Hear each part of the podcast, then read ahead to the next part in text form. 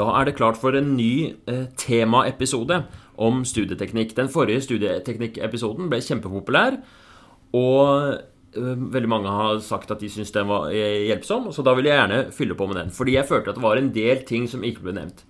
Eh, jeg har jo min bakgrunn som medisinstudent først og fremst, så veldig mange av tipsene som kom i den forrige studieteknikk-episoden, var retta mot eh, medisinstudenter, naturlig nok. Jeg prøvde jo å gjøre det relevant for alle, men Ehm, jeg hadde lyst på å ha mer kjøtt på beinet til folk som ikke nødvendigvis studerer medisin, men hvis du studerer um, mer sånn i akademia, da. Hva er de viktige tipsene da? Og derfor har jeg invitert som gjest i dag Silje Bringsrud Fekjær, som har skrevet bok om hvordan man blir en lykkelig masterstudent. Velkommen, Silje. Takk skal du ha. Jeg har vel ikke helt den enkle oppskriften som gjør at alle kan bli lykkelige matstudenter, men eh, jeg tror i hvert fall at man kan bli litt lykkeligere hvis man vet litt mer om hva man går til på forhånd. Ja, nemlig. Hva var bakgrunnen for at du skrev den boka? da?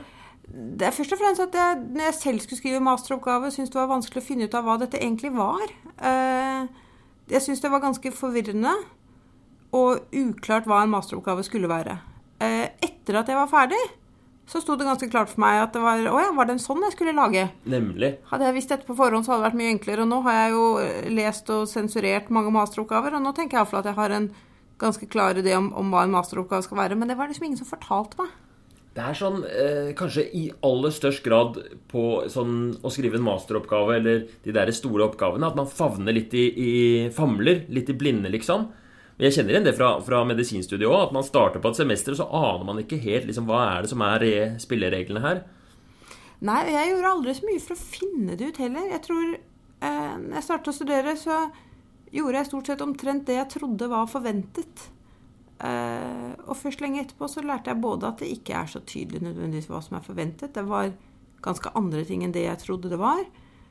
Og så har jeg også skjønt at det er ikke så farlig hva som er forventet, det farlig, er hva du selv lærer av. Og det brukte jeg aldri tid på å finne ut av.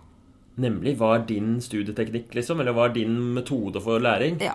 Og hvis jeg skulle gi ett råd om studieteknikk, så er det akkurat det. Finn ut hva du selv lærer av, og gjør det.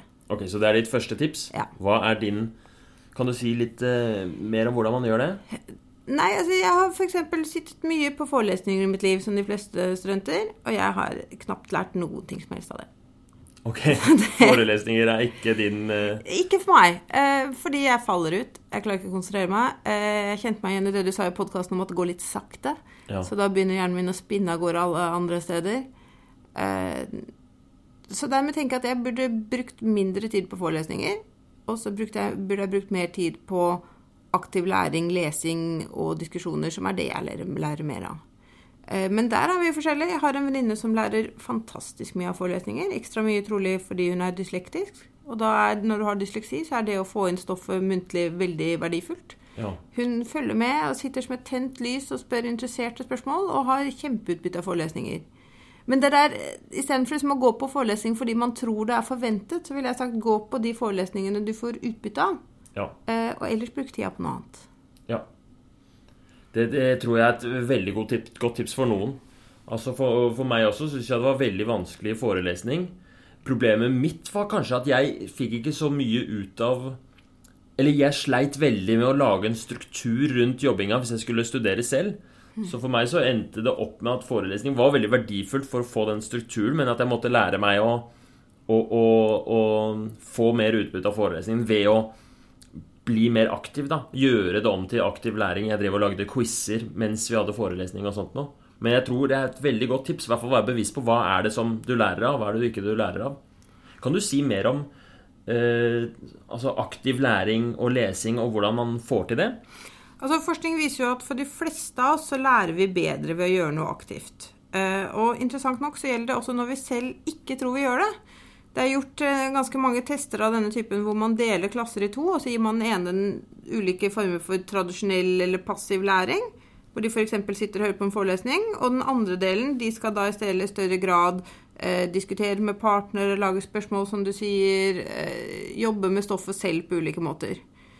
Og når man så spør studenter hva lærte du mest av, eh, så er det ikke gitt at de som var aktive selv mener de lærte mer.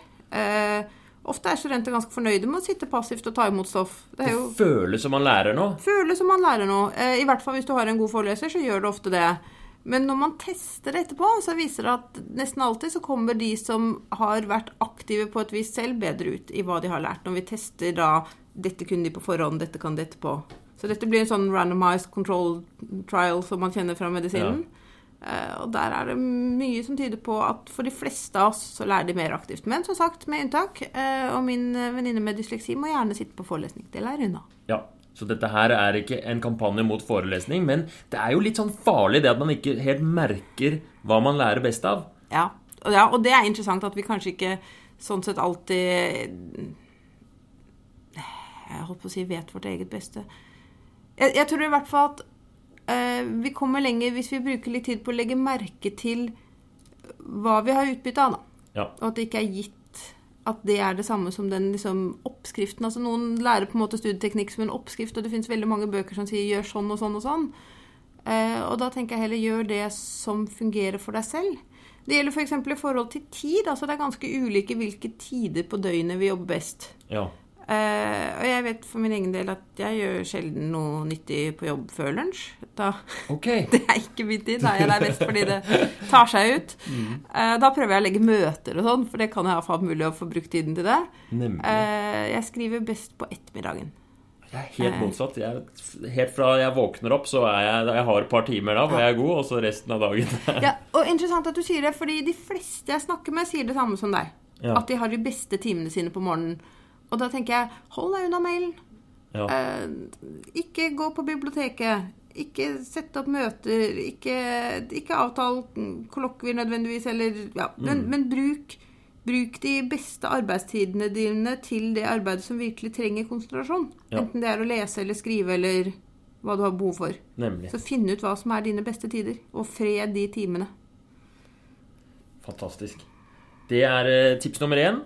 Er altså da um, finne ut hvordan du lærer best. Og da er det ikke alltid så lett å merke det selv, men um, i hvert fall hvis det er en høy grad av aktivitet, det er en nøkkel, da. Altså hvis du er aktiv. Så om du er på en forelesning, eller om du leser, eller om du gjør eh, eksamensoppgaver, eller om du skriver, så lenge du er aktiv, så vil du lære. Ja, for de fleste. For de Med unntak, altså. Eh, Så igjen, jeg har ikke en sånn mal jeg vil tre nedover hodet på alle her, liksom. Men, men forskninga viser at det å være i aktivitet ofte gir bedre læring. Ja. Selv om man kanskje ikke alltid merker det selv. Og tips to er å finne ut hvilken tid på døgnet du fungerer best, og tilpass hverdagen din litt etter det. Ja. Ikke ha Hvis du har dine golden hours tidlig på dagen, så starter du ikke med noe e-post og, og sånne Kanskje ikke ha kollokvie akkurat da. Nei, altså bruke det du har vanskeligst Det, det som er vanskeligst for deg å gjøre. Eh, fred de beste timene til det som er vanskeligst for deg å gjøre. Ja. Du har også nevnt i, i boka di, så snakker du om det med å, og du nevnte så vidt i starten, det med å skjønne liksom spillereglene for den oppgaven du gir deg ut på eh, tidligere. F.eks. hvis man skal skrive en masteroppgave, så er det masse eh, ukjent man har, altså De fleste som skriver master, har ikke skrevet master før. Nei. Men det er, det er veldig mye sånne normer og regler for hvordan en masteroppgave skal gjøres, som, eh, som man har nytte av å vite. Hva ville du gjort hvis du skulle begynne på en masteroppgave nå? Det første jeg ville gjort, var å finne en god masteroppgave på et tema som ligner. Eh, og da sier man alltid 'hvordan finner jeg en god masteroppgave'? De står jo ikke med karakter eh, trykket foran på seg. Det er jeg egentlig glad for. Ja, og det går ikke an å hente søke liksom, Jeg vil ha Norges beste masteroppgave, og så kommer det ti stykker, liksom. Ja, Det finnes et sånt system hvor noen får sånne priser. Osloforskning deler ut pris og noen sånne ting, men jeg vet ikke om det alltid er å gå etter. Nei, jeg, jeg tenker at det lureste er å finne en masteroppgave som er god, og som minner om det temaet, den sjangeren du skal skrive i. For det er jo også forskjeller fra fag til fag, og også delvis innafor faget. Eh, så mitt råd da er å spørre veilederen din. Hei, Ja. vet du om en god masteroppgave om noe lignende av det jeg skal skrive? Så enten om man skal skrive en masteroppgave, eller om man skal skrive en forskningsartikkel, eller noe sånt, og, og finne Det er ikke juks, da. Det er ikke herming, liksom.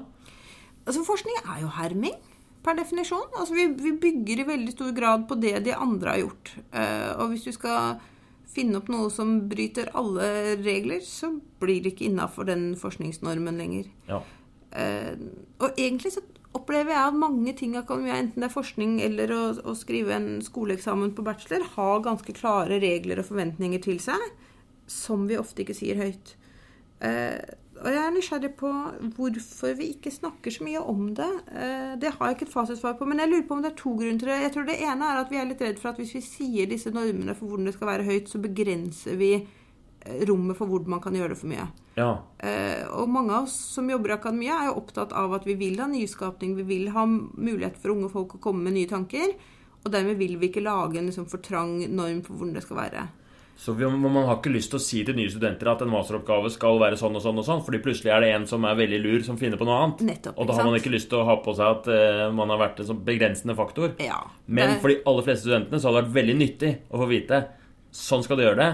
Her, her trenger du ikke å være kreativ. Det eneste du skal være kreativ på, er liksom eh, Ja, det er, ikke, det er ikke så mye kreativitet som skal til i en masteroppgave. Liksom. Du, skal, du skal slippe å stresse over det, på en måte. Ja, eller du kan i hvert fall velge å følge hovednormen, og det er det jeg prøver å si. Eh, For jeg ønsker jo heller ikke en akademia hvor alle må gjøre dette helt likt hele tiden. Det er en sånn historie om et av de gamle geniene som gikk opp til jusseksamen og skrev hele på rim, Ja. eh, og fikk beste karakter. Og det er en historie som mange i akademia er glad i, for det viser nemlig å, vi er åpne for liksom det geniale Ja. og det nyskapende. Og det er vi, men jeg mener at vi kan være og samtidig si Og så finnes det en ganske trygg standardoppskrift som du Ja. kan følge. Hvis du vil. Hvis du vil. Så det er helt greit å prøve å skrive masteroppgaven sin på rim eller sånt noe, men for de aller fleste av oss så er det kanskje bedre tips å gå for en sånn god gammeldags terningkast fire, straight forward. Eh, I hvert fall første gang du gjør det, liksom. Ja, En hel masteroppgave på rim, det har jeg ikke sett før. Altså det, hvis noen prøver på det, så vil jeg si lykke til. Lykke til med det. Men eh, Nei, altså Jeg tror også at vi i mange tilfeller har en idé om hva denne normen er, som kanskje er feil. Altså når jeg skrev skoleeksamener Jeg skrev skoleeksamener for hånd, eh, og vi hadde åtte timers skoleeksamen på mange av de fagene jeg tok. Og da hadde jeg en idé om at jo lenger jeg skrev, jo bedre. Det husker jeg også fra videregående og sånt. Nå, at om å gjøre Oi, han skrev 16 sider! Hva faen, hvordan klarte han det? Så flink han er. Ikke sant? Jeg skrev 30 sider jeg, på alle sånne åttetimerseksamener og trodde jeg var veldig fornøyd. Eh, og nå har jeg jo retta noen tusen skoleeksamener. Nei, jeg blir ikke glad når jeg får 30 sider med uleselig håndskrift. Ikke sant? Det er ikke, det er ikke nødvendigvis et kvalitetstegn. Det skal sies at det finnes en grense andre veien, da. Når jeg får liksom de aller korteste oppgavene, da har jeg aldri opplevd at de er geniale. Så liksom hvis du plukker opp en, når du sitter som sensor, hvis du plukker opp en sånn uh, ja, tresiders besvarelse fra en åttetimers eksamen, liksom, da tenker jeg på forhånd ok, denne er trolig ikke den sterkeste. Ja, Eh, Så en mellomting der, da, altså. Eh, nei, mer igjen at det ikke Det er ikke nødvendigvis bra å skrive langt. Ja. Eh, noen av de lange er veldig gode. Det ser jeg når jeg retter mange eksamensgaver. Eh, og noen av de lange er en masse svada. Ja. Og mange av oss har det slik at når vi blir litt usikre faglig, eh, når vi ikke helt kan det vi skriver om, så pøser vi på med ord. ja. Eh, Så jo mer ord og jo mer uforståelig språk, jo mer usikker er man på det man skriver faglig. Og det er, det er helt ålreit å skrive kort, så lenge du vet hva du holder på med. Men ok, for å oppsummere, så er i hvert fall hovedtipset Det handler om å eh, gjøre deg kjent med spillereglene for det du skal gjøre. Så hvis du skal skrive en masteroppgave, se start ut med å se på noen eh, gode masteroppgaver som er skrevet før. Hvis du skal skrive en forskningsartikkel, les noen gode forskningsartikler og gjør deg kjent med spillereglene. Det gjelder også for eksamen. Ja. Hvis du skal ha en eh, Det snakker jeg fra- fra min egen erfaring på, på medisinstudiet. Hvis du skal ha en eksamen, vær tidlig ute med å lese noen eksamensoppgaver. Du trenger ikke å forvente at du kan innholdet, men du får veldig mye ut av å, å lære deg hva slags type spørsmål som blir stilt, og hva slags type kunnskap som det forventes at du skal ha. Ja, og det syns jeg er et godt råd også, å se på tidligere eksamensoppgaver, så skjønner du hva de er ute etter. Eh, her er det alltid mulig at du får litt panikk, for du tenker 'Å nei, det har jeg aldri hørt om'. Eh, men da har du ofte gått ut av pensum, så ikke få panikk om det er liksom deler der du ikke Pensum endres på sånne kurs hele tida. Men også å finne noen gode besvarelser. Jeg syns at vi burde, som, som studenter, burde vi dele mer. Ehm, så jeg tenker hvis du kjenner noen som har tatt eksamen, eh, spør om å få se hans eller hennes eksamensoppgave. Ja. Eh, og jeg syns også at vi som gir eksamener, ofte kan legge ut eksempler på eh, gode eksamensbesvarelser. Ja, det hadde jo vært veldig nyttig. Jeg tror mange er redd for å dele sine fordi man er redd for at det ikke er bra nok, liksom. Det vil, i hvert fall, Hvis jeg skulle delt en eller annen besvarelse eller en, en, oppgave jeg hadde skrevet, så hadde jeg alltid tenkt sånn Ja, men tenk hvis det ikke er helt 100% bra. Men vi må være flinkere på å, å, å dele. Ja, og hvis det ikke er helt 100% bra, så er det kanskje greit for andre å se det òg. At ja. det ikke er så perfekt. Uh, vi har sånne forskningsmøter her hvor vi legger fram artikkelutkast. Og da legger jeg ofte fram mine utkast når de er veldig tidlig kommet. Da er det jo ikke spesielt imponerende, og det sier de som er doktorgradsstipendiater her, at de setter sånn pris på å se de dårlige utkastene til oss professorene. Nemlig. Ja, det, det, tror jeg på. Ja, jeg tror det er godt for oss alle. Uh, og ofte er det sånn at vi bare ser Hvis du leser forskningsartikler, f.eks., for så tenker du at alle artikler ser sånn ut og alltid har sett sånn ut. Men det du leser da, er jo det absolutt siste utkastet etter 34 revideringer på ja. de beste i verden på det feltet. Mm. Eh, så det er helt greit å liksom vise fram det du har gjort som er tidligere i fasen òg. Det kommer til å være grumsete underveis. Det gjør det. Eh, og jeg tenker også at vi er ofte mer åpne for tilbakemelding hvis vi legger fram tidligere. Altså jeg synes det å legge fram tekst syns jeg var veldig vanskelig. Og det er noe vi gjør hele veien i denne bransjen her. Vi legger fram Hvis du går på seminar, så skal du legge fram en seminaroppgave. Du skal sende inn et utkast av en bacheloroppgave eller en masteroppgave til veilederen din. Du skal legge fram utkast av forskningsartikler. Og lenge så satt jeg på disse her helt til jeg var helt fornøyd. Og så sendte jeg til seminargruppen eller veileder eller hvem det nå var. Eh, og så fikk jeg tilbakemelding, og så gikk jeg bokstavelig talt hjem og gråt etterpå. For jeg tok det så tungt, den tilbakemeldingen jeg fikk. Ok, fordi det var Du hadde spart opp til Eller du hadde jobba så knallhardt for å få det perfekt, ja. og så fikk du en eller annen tilbakemelding på et eller annet som kunne gjøres bedre, og så Det er ganske mange ting som kan gjøres bedre, sånn det stort sett er i akademia. Men det er noe med at det nytter ikke å be om veiledning hvis det du egentlig ønsker, er velsignelse. Nemlig. Hvis det du ønsker, er å høre 'Denne teksten er fin. Nå kan du bare levere den inn.' Kan du ikke vise det til en annen person i akademiet, altså, for det kommer du aldri til å få i tilbakemelding. For alle har uh, ting og innspill på hvordan det kan bli bedre. Det det kan alltid bli bedre. Alle har forbedringspotensial, mm. uansett. Uh, og for meg så gjorde det mindre vondt å få de beskjedene om alt jeg burde endre når jeg leverte fra meg teksten litt tidligere. Ok. Ja, så den derre perfeksjonismen uh, og, og, og, liksom å virkelig gjøre sitt aller Og prøve å lage terningkast seks-utkast i starten. Det hadde ikke så mye. Det var mye jobb for lite glede, liksom. Ja, og da er du også ofte ikke så innstilt på å heller. Da har du allerede lagt så mye det. sånn at eh, Og det mener jeg også egentlig som leser. Nå bruker jeg veldig mye tid på å lese og kommentere andres tekst. Eh, akkurat som medstudenter leser og kommenterer andres, og seminarledere leser og kommenterer, og veiledere leser og kommenterer. Eh, og hvis folk legger fram en tekst de egentlig er fornøyd med, som de ikke har tenkt å gjøre noe mer med, så blir jeg sånn Ja, men hallo, hvorfor skal jeg bruke en time på å sitte og lese teksten din da? Ja. Hvis jeg føler at det er mer meningsfullt og nyttig for meg å bruke tid på å lese tekst og gi kommentarer hvis den som har skrevet den, faktisk er innstilt på å gjøre noe med det. Og det her er det også veldig tydelig forskning på, da, at det vi lærer mest av, eh, er prosesstilbakemelding, altså som gir tilbakemelding på noe som du fremdeles jobber med, og som du går tilbake på å endre. Ja. Eh, studenter er ofte veldig eh, ivrige på å få en sluttvurdering. Altså at de har levert en ferdig oppgave eller en ferdig eksamen, og så vil de ha begrunnelse. Nå er det også veldig mange som spør om begrunnelse på eksamen. Eh, og nå mener jeg at det kanskje kan være fornuftig å spørre om begrunnelse på eksamen én gang. Jeg gjorde aldri det, og jeg tenker i ettertid at jeg hadde veldig feil ideer om hva sensor egentlig ser etter på en eksamensoppgave. Men det du lærer mest av, er egentlig ikke å få en begrunnelse etter at du er ferdig med et arbeid som du ikke kommer til å gjøre mer med. Det er det ganske entydig forskning på. Det du lærer mest av, er å få tilbakemelding på noe, og så gå tilbake og jobbe videre med å forbedre det. Så hvis du har lyst til å bli en god akademiker, så er feil metode er å gjøre all jobben selvstendig på egen hånd, og så levere en, et sluttprodukt, og så være veldig gira på å få en, en vurdering av det det som er riktig metode, er å få vurdering kontinuerlig underveis. Ja. Og få mest mulig hjelp i prosessen. Ja, Både fordi vi lærer mer av det, fordi sluttproduktet blir bedre og du får en større læringseffekt underveis, men også må jeg si for min del fordi det gjør mindre vondt. altså. Ja.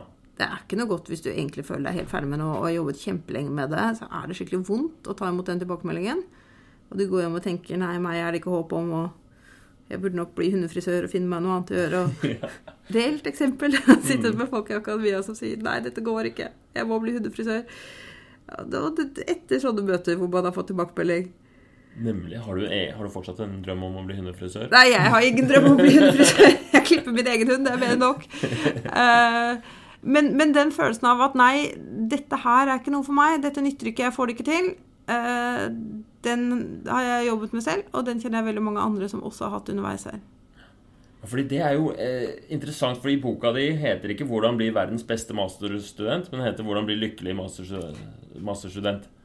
Og så Du kommer inn på liksom den derre følelsen av å ikke få det helt til, eller den derre smerten ved tilbakemelding og den derre usikkerheten som jeg tror er sånn gjennomgående for mange studenter, da. Ja. Eh, jeg hadde jo sånn i veldig mange år at jeg gikk og ventet på å bli avslørt. Eh, jeg tenkte jeg har, liksom, jeg har klart meg fram til nå. Eh, jeg har klart å lure folk til å tro at jeg er noe flink, og at jeg har noe her i akademia å gjøre, og at jeg kan få det til. Men nå nå kommer de snart til å skjønne når de leser denne eksamen eller det utkastet til oppgave som jeg leverer nå, eller den forskningsartikkelen her. Da kommer de til å skjønne at jeg egentlig ikke har noe her å gjøre. Jeg er ja. ikke flink nok. Nå er jeg på dypt vann, liksom? Nå er jeg på dypt vann. Nå er jeg blitt forfremmet over mitt kompetansenivå. Ja. Jeg har lekt meg i barnehagen fram til nå. Det var greit nok. Men nå som jeg er, skal skrive master, nå som jeg skal faktisk forske med de som kan dette her, eller nå som jeg er på medisinstudiet med de flinkeste studentene, eller på juss nå kommer jeg til å bli avslørt. Ja. Det har et navn, det der. Eh. Det har et navn, men det visste jo ikke jeg alle disse årene jeg ikke rundt tenkte på det. Det var en venninne av meg som sa det for noen år siden. Å ja, lider du også av bedragersyndromet? Hva, se. Er det et syndrom? Eh, har det et navn? Eh. Mm. Bedragersyndrom på engelsk, så jeg sjekka det. Det heter imposter syndrome. Ja, Som altså betyr at du poserer som noe du ikke er. Eh, og det tenker jeg er ganske presist av hvordan man opplever det her. Så nå har jeg gått inn og lest eh, forskninga på dette. Det fins en masse forskning på bedragersyndromet òg. Eh, det viser at det er veldig vanlig. Det er veldig mange som har det slik. Det er særlig vanlig i akademia. Og det er særlig vanlig blant de som egentlig gjør det ganske bra. Ja, nemlig. At det er den, Kanskje er det den, den følelsen jo, jo, jo, flinkere man er, jo mer er man bevisst på at det er så mye man ikke kan, og så blir det fort gjort å tenke at. Ja, nå er ikke jeg noe glad i ordet flink. Jeg prøver alltid å unngå det. Jeg tenker okay. at Det er, ja, altså det har jo også forskning vist at det å kalle folk flinke, det gjør faktisk at de presterer dårligere over tid, ikke bedre. Å oh, ja vel, ja. Da, jeg beklager. det er veldig vanlig. Men det, vi tenker jo positivt når vi omtaler noen som flink, og han er så flink. Og ofte på en studentgruppe så går det sånn rykte om at han er den flinke, ikke sant? eller hun er den flinke, og de får den rollen. Uh, men det forskning har vist, er at hvis du setter folk til å gjøre, hvis du setter barn for til å gjøre oppgaver, og så forteller du på forhånd noen om at ja, du er veldig flink i matte De som fortelles at de er flinke, uh, når de senere møter en vanskelig oppgave og ikke får det til, så tenker de nei, jeg var visst ikke flink likevel. Nemlig. Det, litt, det, henger sammen med bedragersyndromet. Det Ikke sant? Det gjør det. At å være flink, det er kanskje noe å være ufeilbarlig, liksom. Og så, så, så, får man ikke Så blir det sånn der press og en sånn usikkerhet. Sånn man tør ikke å man tør kanskje ikke å, å feile og, og, sånne ting? Er det Ja, for altså, det gir både en redsel for å feile, og så føler du jo da at når du kommer til noe du ikke får til, at der var det endelige beviset på at jeg var visst ikke så flink. Og mange får den opplevelsen når de Eh, går til universitetet, eller når de går til medisinutdanninga, som du sier. Altså, og for oss som liksom fortsetter oppover skolesystemet, så vil vi hele tiden møte folk som er flinkere og flinkere rundt oss. Eh, hvis vi istedenfor å snakke om hvor flinke folk eh, er, fokuserer enten på innsatsen de gjør, eller på resultatet de får til, mm. da vil folk prestere bedre over tid. Så i disse forsøkene har man da på andre grupper så har man gått inn og berømmet dem for at de har jobbet godt med det, eller sett at eh, Eller vist interesse for det de gjør, ikke sant. Å ja, hvordan regnet du for å få til det der? Eh, så ikke legg det på identiteten deres, liksom? Nei, ikke sette den merkelappen 'flink på folk'. Jeg sier aldri til ungene mine at de er flinke. Ja, ok, det hender, da. Men jeg prøver å unngå det. Ja. Uh, jeg sier det til hunden min, da. Det jeg funnet ut. Det er, det er greit. men, men jeg prøver å unngå det å si det til ungene. Men jeg prøver å vise og berømme dem for innsats. Eh, og vise interesse og sette positiv pris på det de får til. Eh, og vise interesse for det de gjør.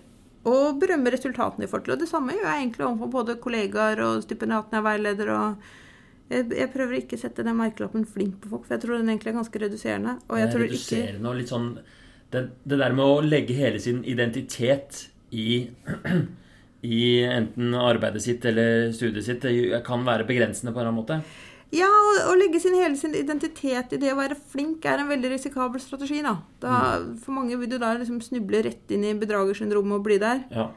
Fordi noe av det som dette handler om, er jo læring, er jo å, å prøve på ting, og så feile, og så lære av det, og så gjøre det bedre neste gang. Ja. Men hvis man går rundt og tenker at man er flink, så er den der, Det å feile er så grusomt. Mm. Men det er den største kilden til læring, kanskje.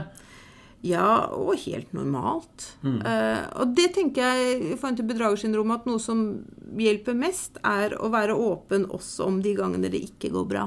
Ja. Uh, jeg prøver å vi er, Nå lever jeg i en verden hvor uh, det vi gjør, er ofte å sende inn tidsskriftartikler, eller artikler, forskningsartikler til tidsskrift. Eh, og da får jeg mange harde tilbakemeldinger. Beskjeder om å gjøre alt annerledes, eller beskjeder om at det ikke blir trygt i det hele tatt. Og eh, Det er en ganske ublid verden. Men jeg prøver å dele også de gangene det ikke går bra, da. Ja. Og det tenker jeg at jeg, jeg tror at bedragersyndromet kunne blitt lettere for flere av oss å leve med hvis vi delte også de gangene det ikke går bra. Eh, sånn at vi skjønte at dette gjelder også de vi kaller flinke. Jeg fikk en eh, eh, fagfelleuttalelse på en eh, artikkel en gang hvor det står The abstract is awful. Og ingen forslag til hvordan man skal forbedre det. Sånn er den verden her, altså. Det var ikke noe spesielt godt sammendrag heller, altså jeg skal innrømme det. Ja. Men For abstract, det er da det, det er den første liksom, sammendraget av uh, artikkelen. Liksom, artikkelen kort fortalt, liksom. ja, artikkelen kort fortalt som det starter med. Uh, Og jeg hadde, vi vi hadde skrevet et dårlig sammendrag.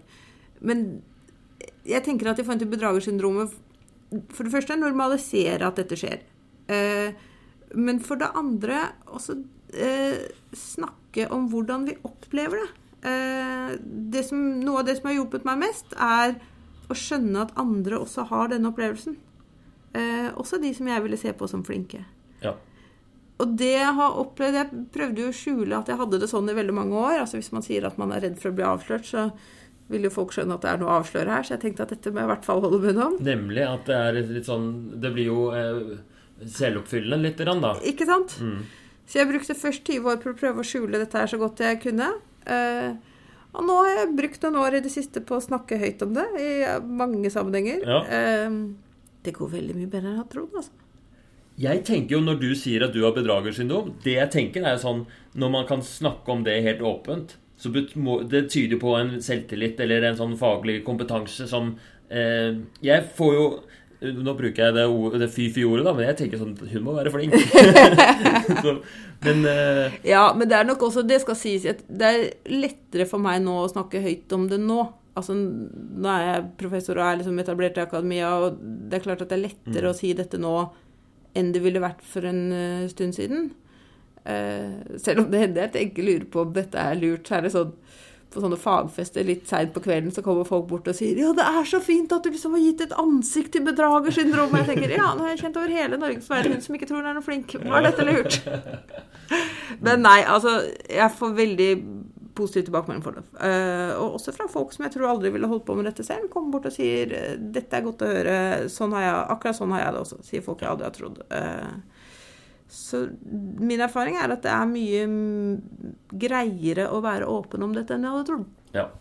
Så ok, tips til, eh, til dere som hører på. Hvis du har en følelse av at eh, du er litt sånn på, på tynn is, alle andre er så flinke, og er, det er sekunder før du blir avslørt som den eh, bedrageren du er, så for det første, det er veldig mange som føler sånn. Du er ikke alene. Eh, Jeg har også følt på det masse. At eh, Tenk hvis jeg blir lege, da har alle eksamenskommisjonene gjort en stor feil. Ja. Det er jo helt utrolig at de har sluppet meg gjennom, liksom. Stakkars de som får meg som lege. Det Ja. tror jeg mange har tenkt før òg. Ja, det tror jeg mange tenker. Og det gjelder kanskje særlig i akademia, hvor man skriver eh, oppgaver og masteroppgaver og sånt nå. Og tipset er eh, du er ikke alene. Snakk om det. Og ikke tro du er flink, men eh, fokuser på å gjøre jobben. Ja, og jeg si, Hvis jeg skulle gjort én ting annerledes i løpet av hele studietida mi og den tiden jeg jobbet i akademia, så er det at jeg gjerne ville brukt mindre tid på det her. Brukt mindre tid på å bekymre meg for om jeg var bra nok og flink nok, og om jeg ikke snart kom til å bli avslørt. Jeg syns det er selvsentrert og repetitivt. Det går i ring, og det er ikke spesielt interessant verken for meg eller for noen rundt meg. Mm. Eh, Men jeg har nok ikke noen sånn enkel sånn vidunderløsning på hvordan man kan bruke mindre tid på det, altså. Nei. Men det har hjulpet å være mer åpen rundt det. Det har hjulpet å legge fram ting tidlig, være åpen også når det ikke går så bra. Eh, og så har det jo hjulpet, det skal sies. Det hjelper jo også når du etter hvert får litt mer erfaring, fordi det ligger noen godkjentstempler. Det, det hjalp å stå på X-Fill. Ja. Jeg var veldig nervøs for om jeg kom til å stryke natten før X-Fill. Ja. Eh, så det hjalp å stå. Men da det vil jeg også gjerne si at den nervøsiteten handler også om at med en gang du kommer inn i et nytt system, eh, enten det er X-Fill eller medisinstudiet eller doktorgraden eller hvor du skal, så er du også i et system hvor du ikke vet hva som kreves. Eh, og jeg trodde seriøst at den X-Filen min var eh, rett i nærheten av stryk, og i ettertid viste det seg at det er den beste karakteren jeg noensinne har fått. Etter der gikk det bare nedover. Det, det, jeg tenker kanskje jeg burde lagt inn formkurven så den toppet seg et annet sted på X-Fill-karakteren. Eh, men det viser først og fremst at jeg hadde ingen anelse om hva som kreves på dette nivået. ja. Og det vil gjelde for hver gang man bytter nivå. Eh, og hvis man da gjør litt mer som vi har snakket om, låner en oppgave, kanskje snakker med en faglærer, prøver å finne ut av hva som trengs, da blir det en litt mer, mindre usikker eh, ferd vi skal inn på. Ja. Så bruk litt tid, ikke bare på å liksom, sette deg ned på forelesninger eller lese pensum og gjøre det du tror er forventet, men bruk litt tid på å finne ut av hva kreves egentlig på dette nivået. Ja. For hvis du går rundt og hele tiden er redd for at du ikke er god nok, så kan du jo undersøke det da, og spørre hva er det som kreves. Ja. Så vil du finne ut at du er god nok. Du er i hvert fall eh, eh, Det er Altså, alle som studerer, eh, uansett hva man studerer, hvis man bidrar til eh, Altså, man skriver en masteroppgave eller man skriver en forskningsartikkel Altså, vi trenger jo at folk studerer. Vi har ikke tid til at folk går rundt og tenker at eh, de ikke er bra nok og har dårlig selvtillit på det her, liksom. Vi trenger at folk prøver sitt beste og bidrar til eh, det vitenskapelige metode. Ja. ja, og så er det rom for mange ulike måter å gjøre det på. Det er rom for mange ulike typer. Mange tror at eh, ja, jeg har det sånn at jeg går og venter på å bli avslørt for ikke å være god nok. Det er fordi jeg er jente. Eller det er fordi jeg ikke kommer fra en akademisk familie. Uh, og jeg skjønner at sånne ting uh, kan gjøre det vanskelig. Eller jeg skjønner Jeg har i hvert fall stor forståelse for at det å komme fra en bakgrunn hvor man ikke er noe vant til studier, kan gjøre det tøffere å komme inn på studier generelt, og i hvert fall på elitestudier. Eh, For jo mer du krabber oppover i systemet, og sånne utdanninger som medisin, så er det veldig mange som har en bakgrunn eh, med foreldre som er høyt utdanna, ofte med leger i familien selv, og så kjenner man på at dette systemet er fremmed og vanskelig for meg, for jeg har ikke den bakgrunnen. Eh, Men forskninga på bedragersyndromet viser at dette her er ganske uavhengig av kjønn. Altså Gutter holder også på med det. De som har en bakgrunn fra akademia selv, driver også og venter på å bli avslørt. Eh, Så det er ganske svak sammenheng med kjønn og klasse, da. Ja. Det som du har mest sammenheng med, er faktisk det å ha hatt overbeskyttende foreldre i barndommen. Ok. Det øker sjansen.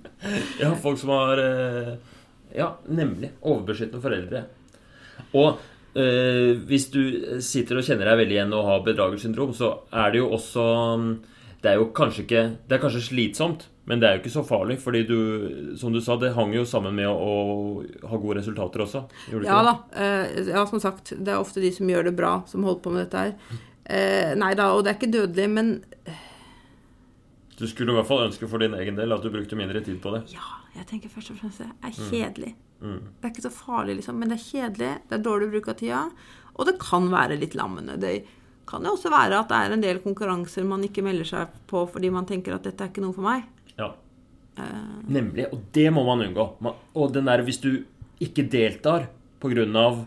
at du ikke føler deg bra nok, at du ikke Det husker jeg at jeg angrer jeg så mye på fra min egen studietid. Det var eh, mm, på eh, Etter to og et halvt år så var det en stillingsutlysning som ambulansearbeider, hvor de søkte medisinstudenter. Og jeg satt og hadde skrevet, eh, skrevet søknaden, og så var det frist snart, og så turte jeg ikke å sende det. Fordi jeg, jeg, jeg, jeg, var, var nervøs, og jeg var redd. Jeg tenkte jeg, skal jeg på en ambulanse å gjøre? Jeg, jeg vet ikke om jeg klarer det. Jeg hadde aldri hatt noe eh, erfaring med å jobbe. Jeg hadde så vidt vært på et sykehus, og jeg følte liksom ikke at, var, at det var over min Og jeg angrer så på det. Den eh, erfaringen hadde vært helt fantastisk. Jeg bare kasta meg ut i det og prøvde. Og jeg hadde fått opplæring, og det hadde vært helt trygt. Og mange som var mye, mye dårligere enn meg, som fikk den jobben, eh, tenkte jeg på senere, da. Så eh, når det har sånne konsekvenser, så er det jo virkelig, eh, virkelig kjipt. Det, var, jeg, det er ikke før nå at jeg skjønte at det var bedragersyndromet som gjorde at jeg ikke Jo. søkte den jobben. Men man ser Faen! Nei, men man ser det jo ikke nødvendigvis før i ettertid. og tenker, men i en del tilfeller så vil det jo være ting som er utafor vårt kompetansenivå. Men hva skjer da? Da Da får du ikke jobben. Ja. Da kan de som, de som vurderer dette, kan noe om det, og de kan, da kan du la dem ta den vurderingen. Du trenger ikke ta den selv. La andre avsløre deg, ikke avsløre deg selv. Nei. Eh, Jeg hadde det sånn at jeg aldri søkte stilling som doktorgradsstipendiat på Universitetet i Oslo, for det tenkte jeg at det var for bratt. Eh, Der, der var konkurransen for hard. Eh, Nå fikk jeg det likevel, da, noen sånne omveier, for på den tiden så kunne man fremdeles skrive inn navnet i søknad, da, så, det, ja, så jeg fikk det likevel på en annen måte. Men jeg søkte aldri en åpen stilling som det, og tenkte at det ville jeg ikke fått. Alle er ikke nødvendigvis på det veldig høye nivået som du tror. Det er mer variert der ute, og også blant de som søker. Og, det, og dette vet man jo først etterpå. Altså det, det er klart at det er noen der som er knallbra, uh, men det er også mange andre søkere, og, og det er helt greit. Og av og til gjør man jo dumme ting fordi man tror ting om nivået som også er helt feil. Da jeg søkte professorstilling, så syns jeg egentlig det var altfor tidlig å søke. Eh, Jeg hadde ikke tenkt å søke det på flere år, men den kom ut akkurat da, og den, var, den passa faglig profil, men jeg tenkte jeg er nødt til å søke. Så.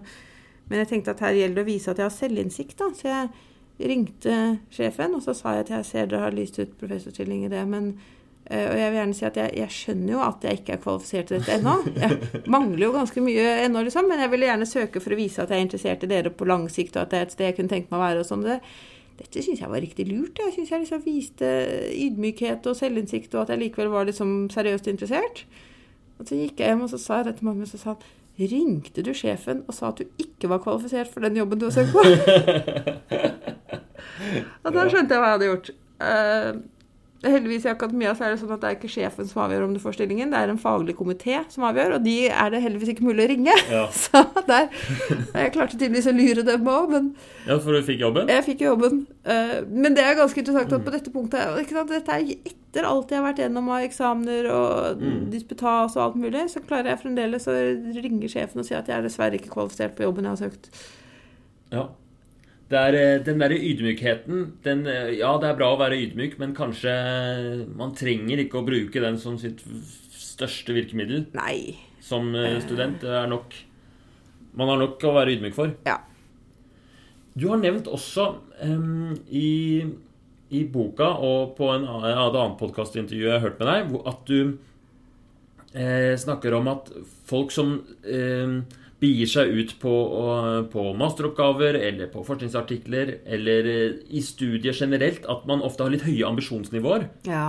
At man går litt hardt ut. Kan du si mer om det? Vi har så store ideer om alt vi vil. Eh, og på et vis så tenker jeg at det er en god ting. At hvis du skal skrive en bacheloroppgave, masteroppgave, forskningsartikkel, doktorgrad, så skal du jo ville noe, ikke sant? Du skal ha noe du brenner for, og noe du ønsker å få til. Men ofte ønsker vi så mye. Og det gjør at løpet blir veldig mye vanskeligere enn det trenger å være.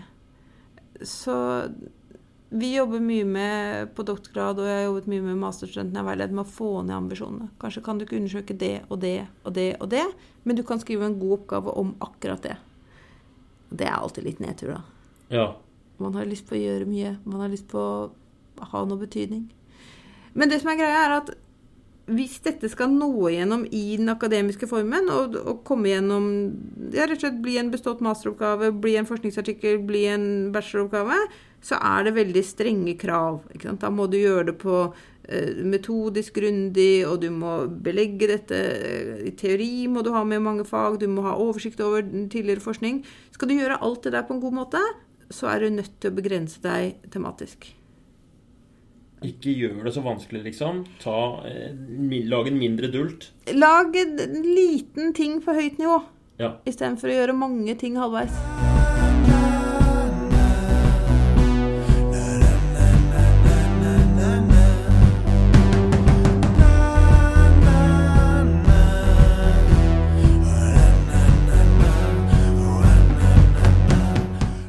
Men det jeg ser i mange fag som lønner seg mer enn man skjønner der, er det å kunne trekke linjer mellom pensumbidrag. Ja. Og ikke bare kunne gjengi og si at ja, Olsen mente det og det og det. Men hvis du også klarer å si at det vi finner her hos Olsen, det står litt i kontrast til det Nilsen har sagt. Ja. Eh, for Nilsen er opptatt av dette. Eh, prøv å se for deg hva Nilsen ville sagt til Olsen hvis de møttes. Mm. Eh, og det gjelder også når du skriver en masteroppgave. Eh, I hvilken grad står Sier disse folka det samme? Eh, sier de noe annet? Der ligger for meg hoppet opp til de beste karakterene. Både når jeg retter eksamener på lavere nivå og på mastergrad. Altså de som bare kan gjengi pensum direkte, eh, kan få helt greie karakterer. De beste karakterene det gis til de som også klarer å se pensum i sammenheng. ja. Og så kan drøfte. Ja. Så hvis du har eh, Jeg kommer ikke på noen eksempler annet enn Olsen og Nilsen. Men hvis det er, fall, hvis det er et eller annet i, i pensumet ditt som eh, hvor, det er, eh, hvor det er ting som eh, ikke henger helt sammen, f.eks. At du kan eh, gå inn og finne ut av det. Og når ting er, henger sammen. Mm. Her ser vi at Olsen og Nilsen er inne på mye av det samme ved at de Ja. Det får du også poeng for. Og så kan du litt forsiktig også ta litt stilling til selv. Men dette er en balanse, og denne er en litt sånn kinkig greie å lære seg, altså. Ehm, for her er det noen som ikke tør å mene noe, ikke sant? som bare gjengir Olsen sier A, B og C, Nilsen sier D, E og G. Da står du, liksom, men du gjør det ikke veldig bra. Eh, og så er det noen som synser i vei. Jeg syns at Olsen tar feil, fordi Og da, da kommer sensor med rødblyanten sin og trekker med en gang. Men det som går an, er å gjøre dette her uh, Akademia har på en måte en anerkjent, altså en lovlig måte å mene på. Okay. Uh, så hvis du lærer deg denne måten å mene på som er lov i akademia, da kan du si Nilsen kan kanskje kritiseres for at Nemlig. En mulig svakhet ved denne teorien er Aha, Så du må bare være veldig Du må kritisere, men gjøre det på en veldig sånn forsiktig, tilbaketrukken måte. Ja, Du kan synse litt sånn fra, fra skjul. synse fra skjul. Jo, men det er på et vis det man gjør, ikke sant? Uh, man stiller spørsmålstegn ved istedenfor for å komme med bombastiske påstander. Ja. For de bombastiske påstandene de trekkes du for øyeblikkelig, altså. Okay. Uh, da skal du ha ekstremt god dekning for det. Men sånne forsiktig formulerte spørsmålstegn på sånne akademiske En mulig innvending kan være at Ja. Og gjerne i avslutningen. Der har du lov å være litt mer eh, Ja. For et problem når man skriver masteroppgaver, er jo også ganske ofte at man har noe man gjerne vil bevise. Mm. Eh, Og det er et problem? ja eh, I praksis blir det ofte det, fordi det i praksis ofte gjør at du ikke er så åpen for andre tolkninger og andre muligheter. Eh, jeg møtte en gang en som sa jeg skal skrive masteroppgave om at det er slik. Mm. og han hadde ikke engang begynt. Så sa jeg vet vi at det er slik? Ja, det vet alle, sa han. Og jeg tenkte hvorfor i verden skal du skrive oppgave om det da? Hvis det er noe som alle vet, og at det er slik. Så jeg syns du skal skrive masteroppgave noe du lurer på, jeg. Noe du har lyst på å finne ut av. Både fordi det er mye morsommere enn å skrive det for å bevise en eller annen mening du har, men også fordi at hvis du skriver med utgangspunkt i at nå skal jeg bevise at verden er slik som jeg mener at den er, da blir det i praksis ofte ikke sånn som akademia krever at det er. Nei. Fordi akademia krever en grad av nyanser, nyanser og forbehold og drøfting og tosidighet, ikke minst, som mange av de som skal ut og bevise noe, ikke får til. Fordi det handler om det handler om å eh, Akademia handler jo om å, å, å utforske og Man kan jo aldri bevise noe. Man kan bare motbevise. Er ikke det den vitenskapelige metode, liksom? Ja. eh, du skal gå ut med åpent sinn. Eh, du skal eh, Du kan legge en liten murstein i en mur, ikke sant? Ja. Eh, mine funn indikerer at det kan være slik. Og det er helt greit. Det er litt deprimerende når man kanskje egentlig ville vise hvordan hele verden er, og hvordan alle skulle gjøre alt annerledes. Men det er praktisk ikke det vi gjør, altså. Vi sier at dette her er et tegn på at det kan være sånn. Og det er så langt vi kommer. Mm. Så fordi som student, i hvert fall når man begynner å, å publisere ting Som masteroppgave er jo faktisk en publikasjon. Så, så da, da inngår du i et samarbeid med millioner av andre eh, forskere og studenter om å, om å eh, vise hvordan verden henger sammen, liksom. Ja, er ikke det litt fint? Jeg syns det er litt fint. Eh, men ofte annerledes enn det folk vil. Mange kommer og skal skrive oppgave og sier Og dette har ingen skrevet noen ting helst om før. Og da tenker jeg ja. Eller kanskje dårlig research. Ja. Hvis du ikke har funnet noe forskning som er relevant, eh, da kommer du til å få problemer med oppgaven din. altså. Så da må du tenke litt videre i hvilke sammenhenger det kan settes inn i, hva det kan sammenlignes med. Jeg mener ikke at folk ikke skal skrive om nyskapende ting. altså. Jeg er som for, veldig for ny, sagt veldig for nyskapning. Men at du også må skjønne at for at dette skal bli forskning, så må du inngå i en sammenheng. Det må være solid også. Ja. ja, og fundert på andre ting. Det er denne muren jeg snakker om, ikke sant? Mm. Eh, De andre har bygget og bygget på denne forskningsmuren, og så kiler du inn din murstein. Ja. Men det er jo kult hvordan alt sånn eh, Hvordan den derre Det overordnede prosessen eh, med, med forskning og sånn, hvordan det blir til, da. At eh, jeg tror det er et eksempel med at bilen, for eksempel, den ble jo oppdaget, eller oppfunnet, på helt samme tid. To, to vidt forskjellige steder i verden. I Tyskland og USA nøyaktig samtidig så fant de opp nøyaktig det samme uten at de hadde noe kontakt med hverandre. Og det er fordi at liksom hele altså, det blir lagt inn små mursteiner i muren, ikke sant? og plutselig så kommer det et gjennombrudd som egentlig er uunngåelig. Ja. Hvis, ikke, hvis de hadde daua før de fant det på, det der, de som lagde bilen i Tyskland og USA, så av at alt lå til rette for det, så hadde noen funnet på det i, i eh, Sør-Amerika. Eller Ja. hvor som helst. Og for kunnskapsutvikling så er det kjempefint. Eh, Det, det er sånn menneskeheten kommer videre og lærer oss mer. Det er klart, eh, Som forsker så blir du jo ikke særlig glad da hvis du plutselig oppdager noen som sitter i Tyskland og har funnet akkurat det samme som du har publisert uka før du skulle sende inn din. Ja, det er irriterende. Det, I hvert fall i fag hvor ting Det er størst problem i sånn fag som medisin, hvor ting klart kan finnes opp én gang. Ja. Eh, samfunnsfagene er jo, som jeg kom fra, mer kontekstavhengig, og du har mindre risiko for det der. Men det er klart at i stor grad så tenker jeg at det at noen har gjort noe lignende, er en god ting. Det er ikke en fare.